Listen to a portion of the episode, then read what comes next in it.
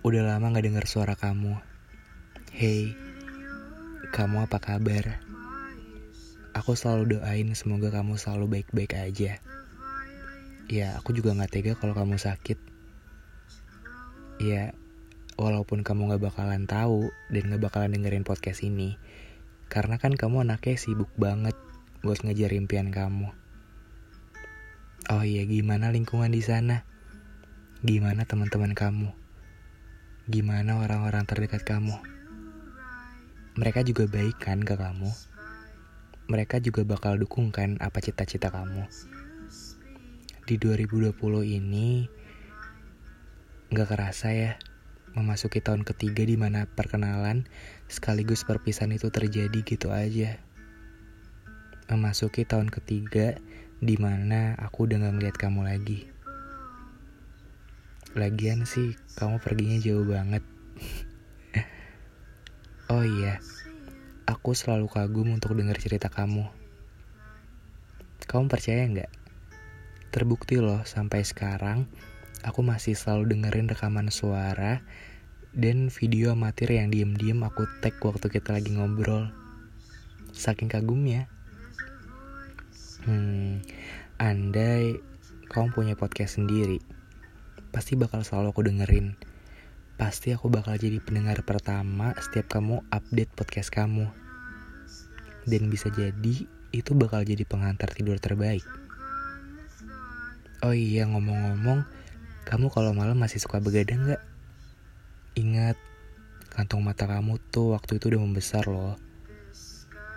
Jujur, untuk mau ngomonginnya rada sulit dan rada terbata-bata aku nggak tahu nih apakah ini residu dari perasaan yang dulu atau memang aku cuman lagi rindu.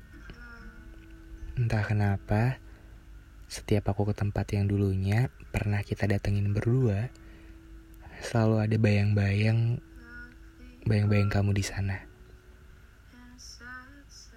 Kamu yang duduk di pojok kursi kamu yang selalu denger playlist yang itu-itu aja gak pernah ganti-ganti. Kamu yang diem-diem, tapi selalu jadi pemandangan terbaik. Aku cuma mau bilang, makasih ya. Makasih karena dengan ketemu kamu, Tuhan memperlihatkan karya-karya indahnya. Untuk kali ini, aku gak mau ngobrol panjang-panjang. Nanti kamu bosan. Waktu kamu kan sangat berharga. Masih bisa dilakukan buat ngerjain tugas-tugas lain daripada dengerin obrolan yang gak ada ujungnya ini. Iya, aku cuman senang aja.